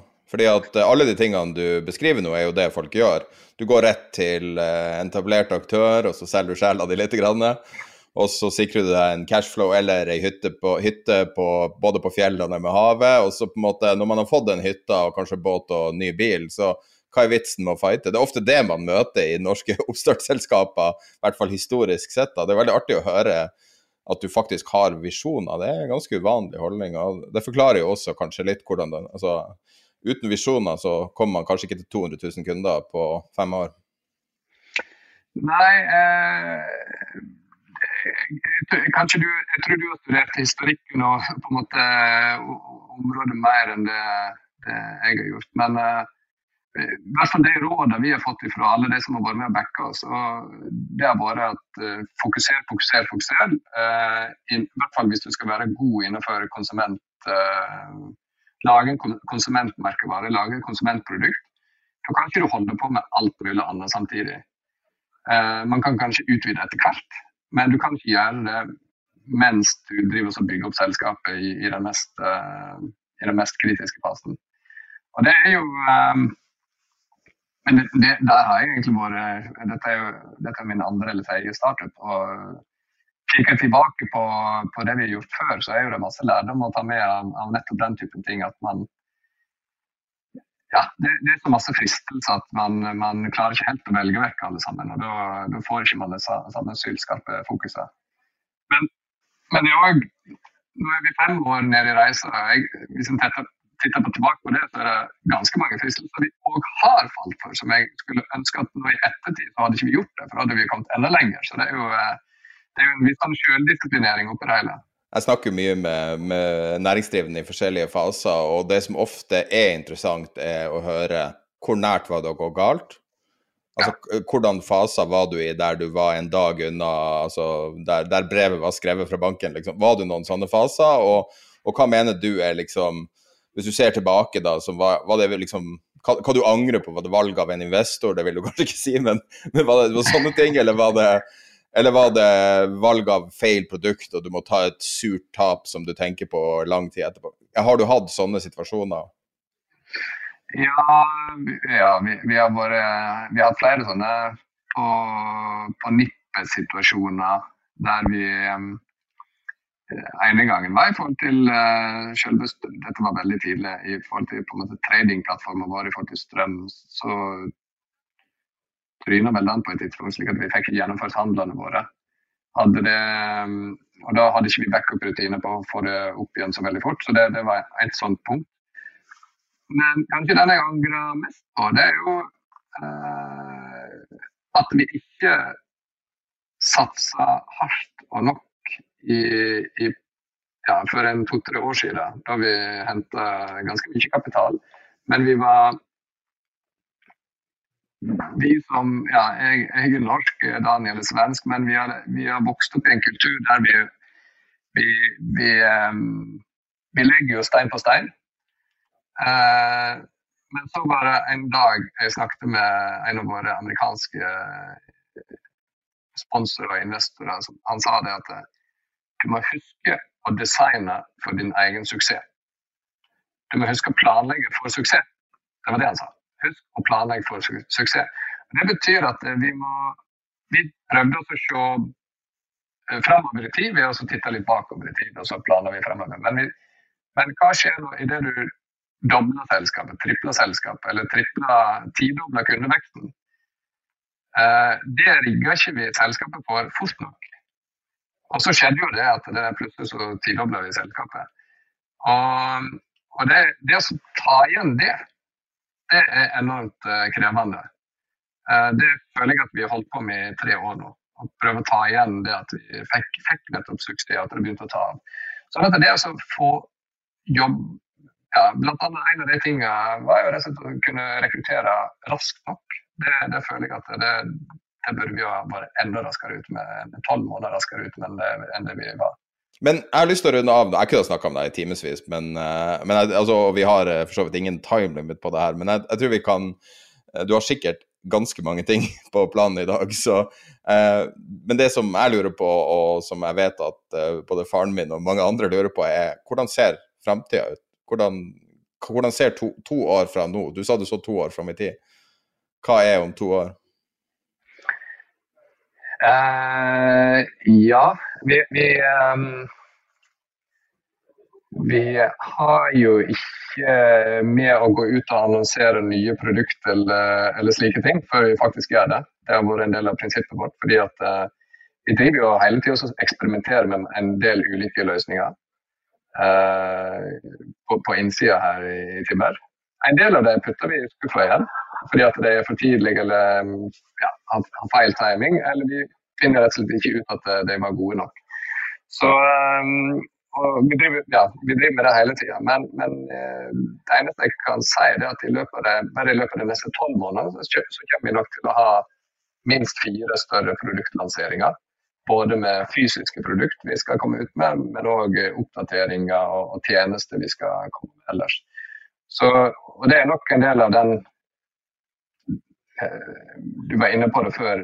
En del av dette her gründer- eller startup-fasen som, som, igjen at vi, vi, føler på behovet for å komme og fornye oss sjøl og og, og komme med nye ting til kundene våre. For å på en måte beholde denne her spiriten internt eh, som vi sjøl føler på. Det kan godt hende at vi sjøl føler mer på det enn det kundene og brukerne våre gjør. Men, eh, men jeg tror det er en veldig sunn ting å ha med seg. At vi må ja, komme med, med en del eh, Eh, overraskelser eh, ute, ut i markedet. Ja. Nei, det var vi ferdig med, med Tibber og strømmarkedet. Jeg kan jo også si at jeg har lufta en teori i chatten. Jeg vil gjerne høre hva du syns om den teorien. Det er jo litt sånn kan man si, konspirasjonsteori. I 2016, så rett før valget i USA, med, der Trump vant, så, så, ble det sendt ut et um, en oppdatering eh, på, eh, til alle som hadde sånn Obamacare-forsikring, eh, om at prisene gikk opp 22 over nyttår. Og det kom ut ca. to uker før valget. Og det har vært spekulert da om at det var den egentlige årsaken til at Trump vant. Det at folk følte presset i lommeboka rett før valget. Og så begynte jeg å lure på Hvorfor er det ingen som har snakka om strømprisen i dette valget? Nå skal ikke vi snakke om politikk her, men jeg bare lurer på om du syns at om du tror at strømmen nå, altså høye strømpriser nå er så relevant at det kan endre folk sine politiske meninger? Ja, altså strømprisen er såpass høy at det kan få folk til å endre mening, men, men vil de være noe lavere avhengig av hvem det er som, uh, det er som står bak? Det er altså hvilken regjering som kommer til uh, til, til, makten, eller regjering, det er ko koalisjon som kommer til, til, makten, det vet jeg ikke. Um, så, så jeg, jeg, vet ikke om det jeg, jeg, jeg, tviler vel altså, Det er interessant det du sier om, om, om USA, men jeg tror Russlands innblanding var mye, mye sterkere enn eh, Og virkningen av det var mye sterkere enn dette og de andre metodene som ble brukt. Men, så, så, jeg vet ikke. Uh, men jeg tror at ganske sikkert at folk vil få en ordentlig eh, vekker når, eh, når, de får de neste strømregningene. Og det, vil, og det, vil, da absolutt ikke henge sammen med altså dette at vi har lav inflasjon. Det er jo bare hvordan vi, vi, vi, regner på det. For vi har snakket om dette tidligere. Det er jo mange ting som bl.a. boligpriser som stiger voldsomt, men som ikke tas med i, i inflasjonen. Så nå blir det jo interessant å se hvordan, hvordan dette virker i, eh, i praksis også. Men jeg tror, jeg tror, ikke vi er forberedt på, på, disse strømprisene. Jeg tror ikke husholdningene er det, fordi vi har stort sett hatt det greit her i Norge, som du innledningsvis uh, sa. Da innledningsvis for dette temaet sa. Men uh, nå kan det bli syre, virkelig syretesten for, for uh, hvilket nivå frustrasjonen kommer ordentlig til overflaten når det gjelder dette. Hvor mange husholdninger er det i Norge? En million cirka? er det? Da må det være husholdninger i alt. Jeg bare slo opp 2,4 millioner. Mm. I 2023 så skal de elektrifisere sokkelen i Altså norsk sokkel i oljemarkedet, oljes, oljeplattformene. Mm -hmm. Og eh, det vil føre til et økt forbruk av strøm som tilsvarer 130 000 eneboliger. Fem, ja. fem, anslagsvis 5% av ja, total etterspørsel som er i dag. Så det er veldig mye som tilsier at høyere strømpriser blir mer en, en realitet enn noe annet. Ja. Bullish for Tibber, da. Bullish for, for, for Tibber, men uh, der røyk ting som bilbaner for, som, som julepresang. Du har ikke råd til å ha det, vet du. Bilbane, ja, det er det som er problemet. Ja. Mens elbilen er garasjen. Ja, elbilen du har i garasjen, den, altså, den trenger du, men uh, alt som er uh, drevet av, uh, av, strøm ellers, så Nei, jeg vet ikke. Folk som jobber med TV og sånn, er ofte veldig opptatt av overgangene, så nå skal jeg prøve en veldig smidig overgang. Så med strøm er en ganske billig måte å, å overføre energi på, mens olje er ganske dyr, det er vel 100 ganger, tror jeg, så dyr som, som strøm. Mm. Og da er overgangen til Kina, som har sluppet løs de strategiske oljereservene nå i, for et par dager siden. Eller nei, det var i juli, sorry. Uh, for første gang. Mm. Og de nå, nå annonserte det. Hva i alle dager er årsaken til det? Vet, altså, Kina har jo ikke importert olje på lenge. Um, så du kan si at det, det, er vel de som har forventet at Kina vil dukke opp igjen i, i uh, oljemarkedet. Og når eh, skråstrek hvis de gjør det, så kommer det til å ha en betydelig effekt på, på, på prisingen. Så jeg er litt forbauset over da å lese at de, de har gjort det motsatte. Nå, nå, som du sier, nå er det en stund siden de har gjort det, og effekten har vært eh, mildt sagt moderat. Um, men på et eller annet tidspunkt så de, må de importere olje også. Så, så, så jeg tenker jo at det at de har det at de har redusert de strategiske lagrene, er da mer eh, er, eh, blir omgjort til en fremtidig forventet etterspørsel. Rabobank kaller det mislykka, og de sier at uh, Ja, det vil jeg jo si. Og de sier at det viser at de er politisk sårbare for uh, inflasjon, inflasjon, i råvarepriser. Nettopp. Så um, hvis Kina er så bekymra for uh, råvarepriser at de gjør det her, så Altså, vi har jo snakka mye om at vi vet ikke hva som skjer i Kina, men det er definitivt noe som skjer. Mm. Eh, og da er jo spørsmålet eh, Er de mer sårbare enn man tror? Ja, altså De er sårbare når det gjelder olje, det er klart at de er. Eh, men på, på andre råvarer så, så, er det jo det motsatte, fordi de faktisk har, eh, strategisk klart å, å, å skaffe seg eh, tilgang til eh, mange typer råvarer nå gjennom ja, hva er det? Det må jo være gjennom ca. en 30 års tid. Så har de liksom systematisk Kan godt hende at det er lenger, bare beklager hvis jeg, jeg bommer der. Men så har de i hvert fall systematisk bygget opp, opp kapasitet for, for, å skaffe seg råvarer. Så, så hva, altså Summa summarum, hvis jeg skulle sagt noe om, om Kina og råvarer, så, så, er det jo at det har økt Kinas, Kinas makt, rett og slett, ved at de, ved at de har ved eh, at de kan kontrollere en del av disse råvarene. Olje da ikke en av dem, bare så det er sagt. Uh, mens vi snakka nå, jeg tenkte vi skulle snakke litt om bitcoin, så var det noen som la ut på chatten at uh, MicroStrategy har nettopp kjøpt 5000 bitcoin. 240 okay. millioner dollar. Uh, det er bra mye mer enn det El Salvador kjøpte når de Eh, når det kom ut, det kom ut en flashmelding på Bloomberg som sa ja, El Salvador is buying the dip. ja, men de kjøpte vel eh, De kjøpte for ca. Var det 20,8 millioner dollar? Altså en røftlig, var det ikke ca. 140 000 de kjøpte? Altså de hadde på forhånd kjøpt 400 000. Dette er jo i forbindelse med at de ga bitcoin til uh, sine landsmenn. Og den, det, det, fallet vi hadde i forrige uke, som var betydelig, altså når, når bitcoin-prisen faller med over 4000 dollar i løpet av en 15 minutters periode, så er det et betydelig fall, for å si det forsiktig. Um, og du sa det var det verste noensinne?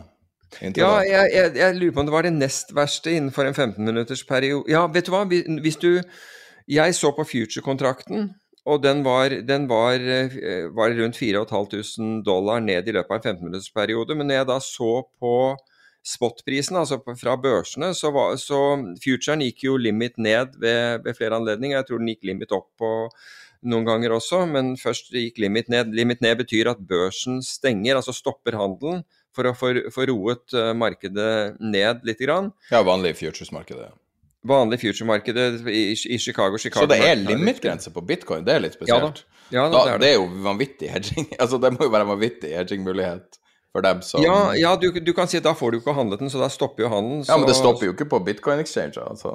Nei, altså det, si, den fysiske, det er jo feil å kalle bitcoin det fysiske, da, men ta spotmarkedet for bitcoin fortsatte.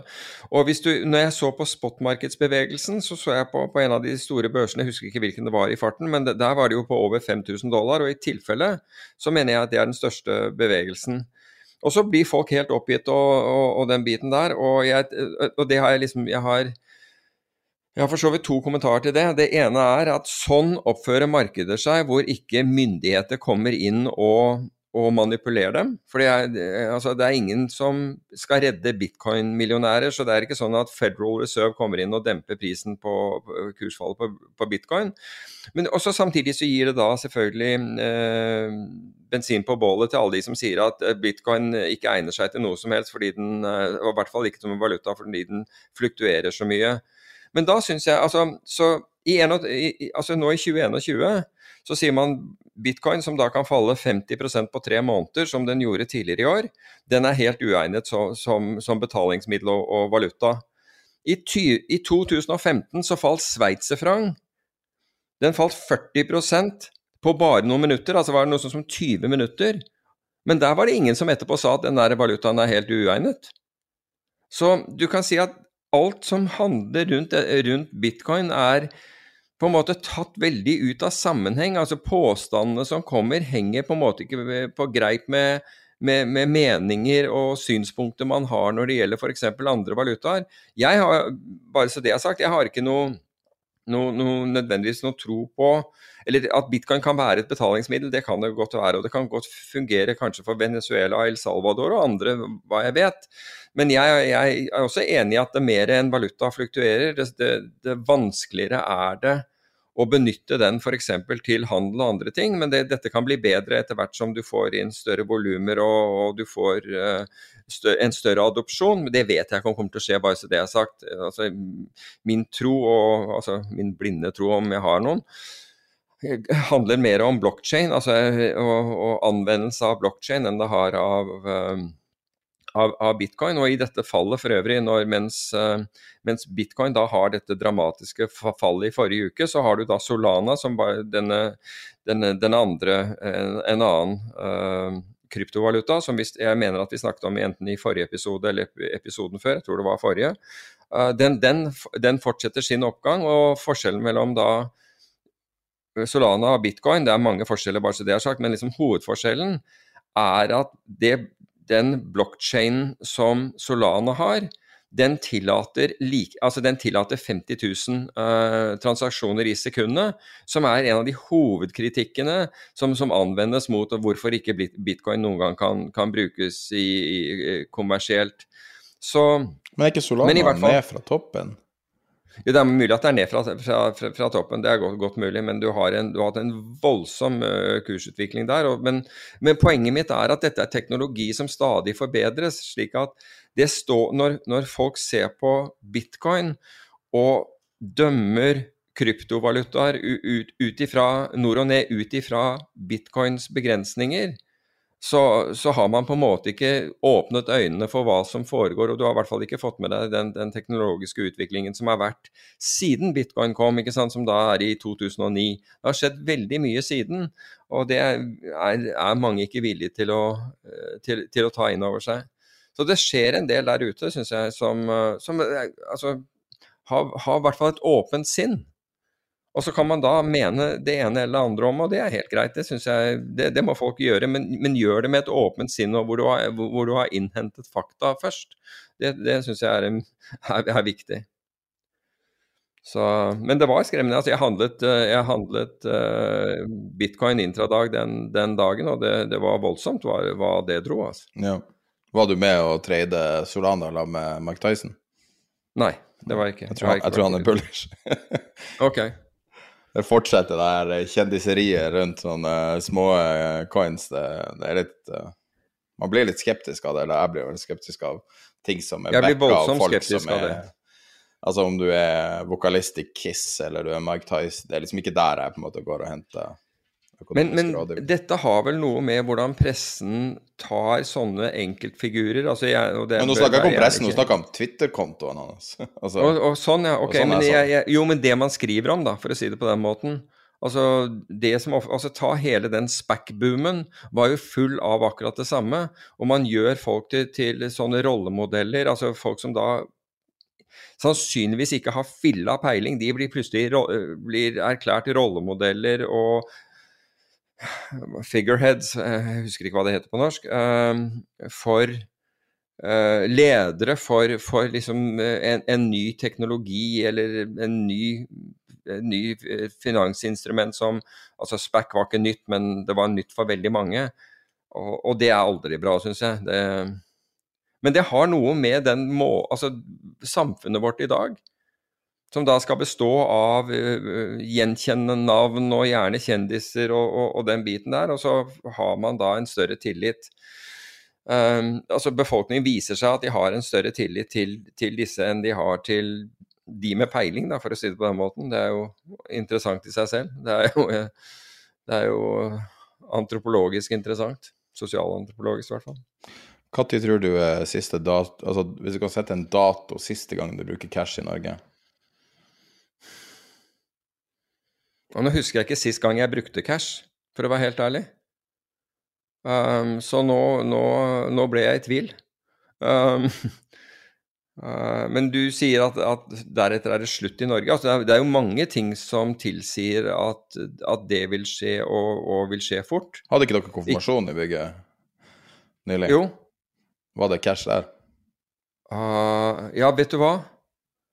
Det, da, da, der så jeg en ny 1000-kroneseddel. oi, oi, oi, oi, ja.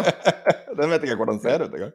Nei, det visste ikke jeg heller, men min datter, min datter holdt å ha Oi, den var fin. Fått, den bølga, en, en, sånn japansk bølge ja, nesten. Ja, nettopp. En, en, slik en. Så, men, men, du spurte når jeg hadde brukt det, og, og den, den, den, kom ikke fra meg, for å si det på, på den måten. Men, da, men det så jeg, jeg, så cash da, men eh, men altså Vi er jo altså skattemessig og altså Nå har vi et, om vi vil eller ikke, et, et, et, et samfunn som, hvor overvåkning blir mer og mer vanlig. Altså bare se bom, eh, bomstasjoner, eh, minibanker, alt det. Altså når du bruker kort og den biten der, og, og, får du cash ut av systemet, så får du antageligvis i stor grad den sorte økonomien bort også. altså Med andre ord, det øker, eh, øker skatteinntekter. Du har jo Lightning så, Network, er ikke det anonymt? Flytter ikke den bare over til deg? Jeg har ingen tro på at tusenlapper Jeg vet ikke, jeg har ikke brukt Lightning. Jeg tror... Nei, men altså bitcoin og whatever. altså Tror du ikke folk finner et nytt alternativ hvis du Altså Nå går det jo over til digitale penger i Norge også. Ja, altså Alle sentralbanker ja. ser jo på det nå. Så det er jo virkelig eh, kroken på døra for cash. Altså, det må jo være det. Ja, så da kommer det an på om man gjør barteravtaler eller, eller hva som helst. Altså illegalt våpenhandel, narkotikahandel og alt mulig sånn. Altså Ja, uten 500-euroseddelen så er det litt verre å være kriminell, altså. Ja, det tror jeg også. Og, og, og jeg spurte jo da noen i, eh, i sikkerhetstjenesten om, om liksom hvordan de stilte seg til dette, var, var, det, et så, var det et stort problem? Uh, dette med, med, krypterte valutaer og, og skjult også og, og, brukte de veldig mye ressurser. Og han sa vi bruker mindre ressurser enn du tror på det. Og han sa men vi, eh, isteden så bruker vi, eh, brukes ressursene når, når, når, disse blir, de dukker opp når det blir analogt igjen. Med andre ord, idet du skal ha det til å bli synlige penger fordi du skal bruke det til noe som er, er legalt, da, om du skal leve for det eller om du skal kjøpe deg et eller annet eller hva som helst. I, i det øyeblikket disse svarte pengene konverteres til det, da er de der. Så du kan si at da, de har da overvåkningsmidler som, er, som, som kan følge, følge, slikt. Og det er da. Da kommer vi og tar det. Men jeg har en sjakkmatt på den uttalelsen. Okay. McDonald's i El Salvador. Boom. Du kan betale med bitcoin på McDonald's i El Salvador. OK. Men altså, El, El Salvador har jo nå Sorry. ja, men de har jo nå gått, gått over til, uh, til dette. Det interessante var, var, jo hvorfor at dette fallet eh, dette kursfallet skal ha da startet fordi den applikasjonen, som er en sånn telefonapp, ikke fungerte. Altså, eh, jeg tror trafikken ble for stor, eller et eller annet sånt, idet myndighetene flyttet da den Jeg vet ikke hvor mye du fikk, du fikk vel en, en fraksjon av en bitcoin uh, til, til, til, borgerne, men den trafikken som oppsto der, den, den, midlertidig knelte den, den appen, og det var derfor kursene Altså, det er jo derfor kursen på alle disse kryptovalutaene plutselig, plutselig stupte. Um, og så kom de da inn igjen litt senere og sa at de kjøpte 140 000 nye coins, altså El Salvador. Men, uh, men jeg, jeg, vet ikke. Men, men, poenget er at ja, du har for så vidt rett hvis uh, på McDonald's da, du kommer inn der og så bruker du uh, bruker du krypto, men jeg antar at hvis du kommer inn på McDonald's og handler noe som helst, så blir du filma der òg. Um, så um, jeg er ikke så sikker på at du, at du kommer deg unna overvåkning hvis de først er ute etter deg. Det er jo ikke, det er jo ikke snakk om at de fleste borgerne blir, blir, blir, overvåket, i hvert fall ikke her i landet på, på noen som helst måte, men ja, der hvor de Ja, altså, du blir jo overvåket hvis du kjører bil, ja, per definisjon. Hvis du bruker et kredittkort, per definisjon. Jeg vet, jeg vet om en veldig profilert nordmann som var helt kronisk eh, opptatt av å ikke bli, ikke bli filma eller overvåka på noe vis. Og han hadde masse, masse mynter i bilen fordi han skulle betale alle sånne bommer med mynter. Og jeg tenker mm. på han hver gang jeg ser sånne her eh, bomstasjoner med overvåkningskamera. Det må jo være hans verste mareritt. Ja, det er klart det er det, fordi, men du kan si at det er jo ikke slik at myndighetene sitter og overvåker den på den måten. Altså hvis de skal Hvis de har en eller annen grunn til å Du vet jo ikke det. Nei, jo, fordi, fordi lovverket i Norge er, tillater ikke at de gjør det. Så du kan si at hvis de skal hente ut data, så må de da til retten uh, og, og, fremlegge altså, og, det, og, det, er ikke sånn masseuthenting, altså, sånn, uh, men da må du til retten og, og fremlegge et, et, grunnlag hvor du, hvor du begjærer å, å, å, få dette. Og da er det opp til dommeren. Altså hvis, det, hvis, dette, er, eh, hvis dette er en eh, vanlig politi, altså krimi, en kriminell handling, så, så vidt jeg vet, så opprettes det en advokat La oss si at dette gjaldt deg, da. Så uten at du, du vet om det, fordi du vet jo ikke at de søker om en, om en slik eh, tillatelse, altså en kommunikasjonskontrolltillatelse, så så får du opprettet en advokat som ivaretar dine interesser. Det en advokat du aldri møter. Men han er passe på at dine rettigheter blir ivaretatt, og vil, vil da se på, på, på, bevisene som de, de legger frem for, for, dommeren, og argumentere din sak i forhold til det. Og så er det opp til dommeren som da gir en tillatelse som vil være avgrenset i tid. Og hvis da La oss, si at, la oss si at, den tiden er, bare for, at, for å ta en, en, periode, at du ber om kommunikasjonskontroll for tre uker eller et eller annet sånt, så skal du da ha dokumentert eh, en, en form for progresjon for, for, å få den fornyet igjen.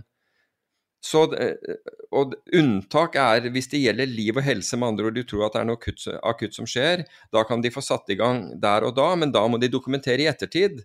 Og dette er ikke slik at Altså Hvis den dokumentasjonen er dårlig, så blir det bråk.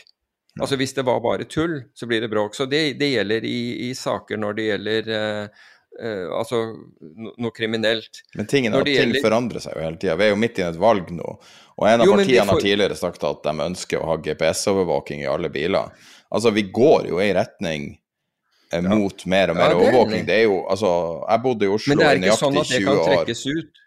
Og, og benytte seg av, ja. av, av, av, hvem som helst innenfor altså politiet eller noe sånt. Og de må ha, en, ha da en, en, en, grunn som en dommer sier at ja, dette her Altså, ja, vi, vi, gir, deg, vi gir dette her fordi dette her er, er dokumentert. Og de, de, må jo rett og slett legge frem hvorfor de skal ha den kommunikasjonskontrollen i denne, i den formen. Ja. Eller at de skal kunne hente ut disse dataene. Men du Peter, vi har jo en hard out i dag eh, på fire minutter fra nå av. Så jeg vil gjerne at du tar eh, din, ditt innspill om eh, smart money, cashing in eller cashing out eventuelt. Vi ja, diskuterte syns... om det var in eller out. Nå ble ja. jeg usikker. I'm cashing in, I'm, I'm, cashing in my chips. Det er jo det du sier i, et kasino hvis du går til, til uh, og, får disse skjetongene over i penger. Men altså, poenget med dette var jo at bare på løpet av kort tid Forrige gang så snakket vi om Petershill, altså dette forvaltningsselskapet i, i, London. Kan jeg bare komme med en kjapp digresjon der, fordi det var en som, som, som ga deg rett i dette her, at de ikke eide uh, altså Petershill er, er et forvaltningsselskap som da eier andeler i 19 forskjellige hedgefond og, og private equity-foretak. Og eh, Som da har til sammen 187 milliarder dollar. Og så sier jeg at, ehm, at for, på base av at de verdsatte den til 5 milliarder dollar, så, så, så ehm, betød det 2,7% eller 2,6% altså av forvaltningskapitalen. Og så er det en som sier at nei, det, det, det vil ikke være riktig, og jeg tror du var inne på det også. Fordi Petershill øh, eier kun mindre andeler av disse selskapene, og det er helt riktig. Men den sammenligningen jeg gjorde til, til et norsk foretak, er, er, er ikke irrelevant allikevel. For det, det, aktuelle forvaltningsselskapet har mindre enn, så vidt jeg vet, 1% forvaltningshonorar, og ingenting utover det. I tilfellet med Petershill, så, så, har de aller fleste fondene der Eh, mellom halvannen og 2% årlig forvaltningshonorar pluss 20 suksesshonorar. Så det er, det, er, eh, det er, en ganske relevant altså Hvis du tenker på inntektsstrømmen til Petershill, så er den, ganske, den er vanvittig mye høyere enn f.eks. For et forvaltningsselskap som kun har, uh, har en andel av det, har en prosent av det de, det de forvalter. Men nok om det tilbake til hvor, vi er. altså Petershill eh, casher da ut eh, fordi disse, de skulle ha inn 5 milliarder dollar som, eh, som Goldman Sachs skulle, skulle, stå for. Så var det jo mye at, at eierne uh, solgte seg ned. Og så gikk det bare noen dager, og så ser vi at eierne av det største, tror jeg, um, private equity-selskapet EQT her i Norden, gjør det samme. De casher også ut. Og jeg tenker at når er det liksom du ser det i markedet at de som er nærmest investeringene og investeringsmulighetene casher ut? Jo, det, det skjer ikke på bunn, for å si det forsiktig. Og, og får Nei, altså financials uh, folk, folk, selger seg ut av meglerhus tidlig, det er jo uh, også Ja, dette er ikke megler ut, dette er forvaltningsselskap. Jo, jo, men altså folk greia, selger seg historisk sett ut av meglerhus på toppen. Folk børsorterer meglerhus på toppen, ref. Robin mm. Hood. Mm. Uh, fordi at dem som sitter i meglerhus, har ofte unormalt mye innsikt i strømmer og hva folk tenker og mener om ting. Uh, historisk ja. sett har det vært en god indikator. Men nå er vi jo i totalt uncharted territory, så hvem vet hva som skjer nå, men uh... Nei, men jeg tenker at det er et datapunkt. altså Når vi snakker om sprekker i demningen, så jeg vet ikke om du skal kalle dette en sprekk, men det er i hvert fall en, en, et datapunkt som jeg, jeg syns det er litt verdt å, å, å, å følge med på. Ja, men pga. all tørke i verden nå, så er det jo lite vann i den demninga. Hvis man skal ta Sorry. Ja, all tørke verden oversvømmer av kapital, så det er ikke der det er tørke, i hvert fall. Det er Nei. så mye kapital at uh, Jeg tenkte at, mer altså, fysisk derfor... vannreservene. jo, men det er derfor du har reverse eh, repo, fordi det er så yes. mye Det, er, det flommer over av cash. 1,1 trillioner dollar, eller 1,1 billioner dollar på norsk, uh, var den nye rekorden i reverse repo. Begynner å nærme oss 1,5 nå som er grenseverdien ja. som folk er bekymra for hvis man går over. Nettopp, men, men, men altså det overflømmer av cash, og den går ikke til markedet. Den plasseres i sentralbanken isteden, altså i Federal Reserve. Og der var det Jan Erik, en, en, en lytter, som, som, gjorde meg oppmerksom på en, en podkast for de som vil ha eh, reverse repo eh, forklart enda bedre. Jeg forsøkte å forklare det så godt jeg kunne, men enda bedre. Og det er en, en, en podkast som heter Oddlots som jeg mener er Bloomberg som står bak. Ja. Uh, og, og, heldigvis uh, så, så, var ikke han Joe Weisenthal som hadde den podkasten, altså som var verdt i den podkasten, for han bruker det amerikanske uttrykket 'like' for hvert andre eller tredje ord. Driver meg til vanvidd av, av, av det. Uh, det var hans, hans cohort Tracy Alloway, men som da Uh, som da intervjuer Soltan Posar, som jeg mener at det fortsatt er Credit Suisse, er ja, han ikke det? Ja, han, han sa at ja, han var i New York men, Fed før. Ja, tidligere. Det er helt riktig. Men i hvert fall, så hvis du vil ønske å, å, få Og den kan vi vel linke til, kan vi ikke det? Jo, men jeg, jeg, jeg, tror, jeg, tror, vi kan få Soltan som gjest hvis vi vil. Ja, mulig, men, men altså, vi kan linke til denne her. Så, så, for de som er interessert i å forstå reverse repo, så forklarer han det veldig godt i den, eh, i, i den podkasten. Jeg kan sende han en mail og høre om han har lyst til å være med, for jeg tror det hadde vært en artig gjest. For han har virkelig innsikt i reverse repo og de her på en måte kompliserte nyansene som er i sentralbankpolitikk, som hvis du ikke har vært på innsida, som ikke, det er vanskelig å skjønne. Mm. Så eh, også, hvis vi har han med, så vi, skal jeg prøve å si minst mulig like. Ja, ikke vær så snill, Oddlots er en spesiell uh, podkast, for det er jo backa av uh, en av de rikeste mannene på, på jorda, altså Bloomberg, Bloomberg, Michael Bloomberg.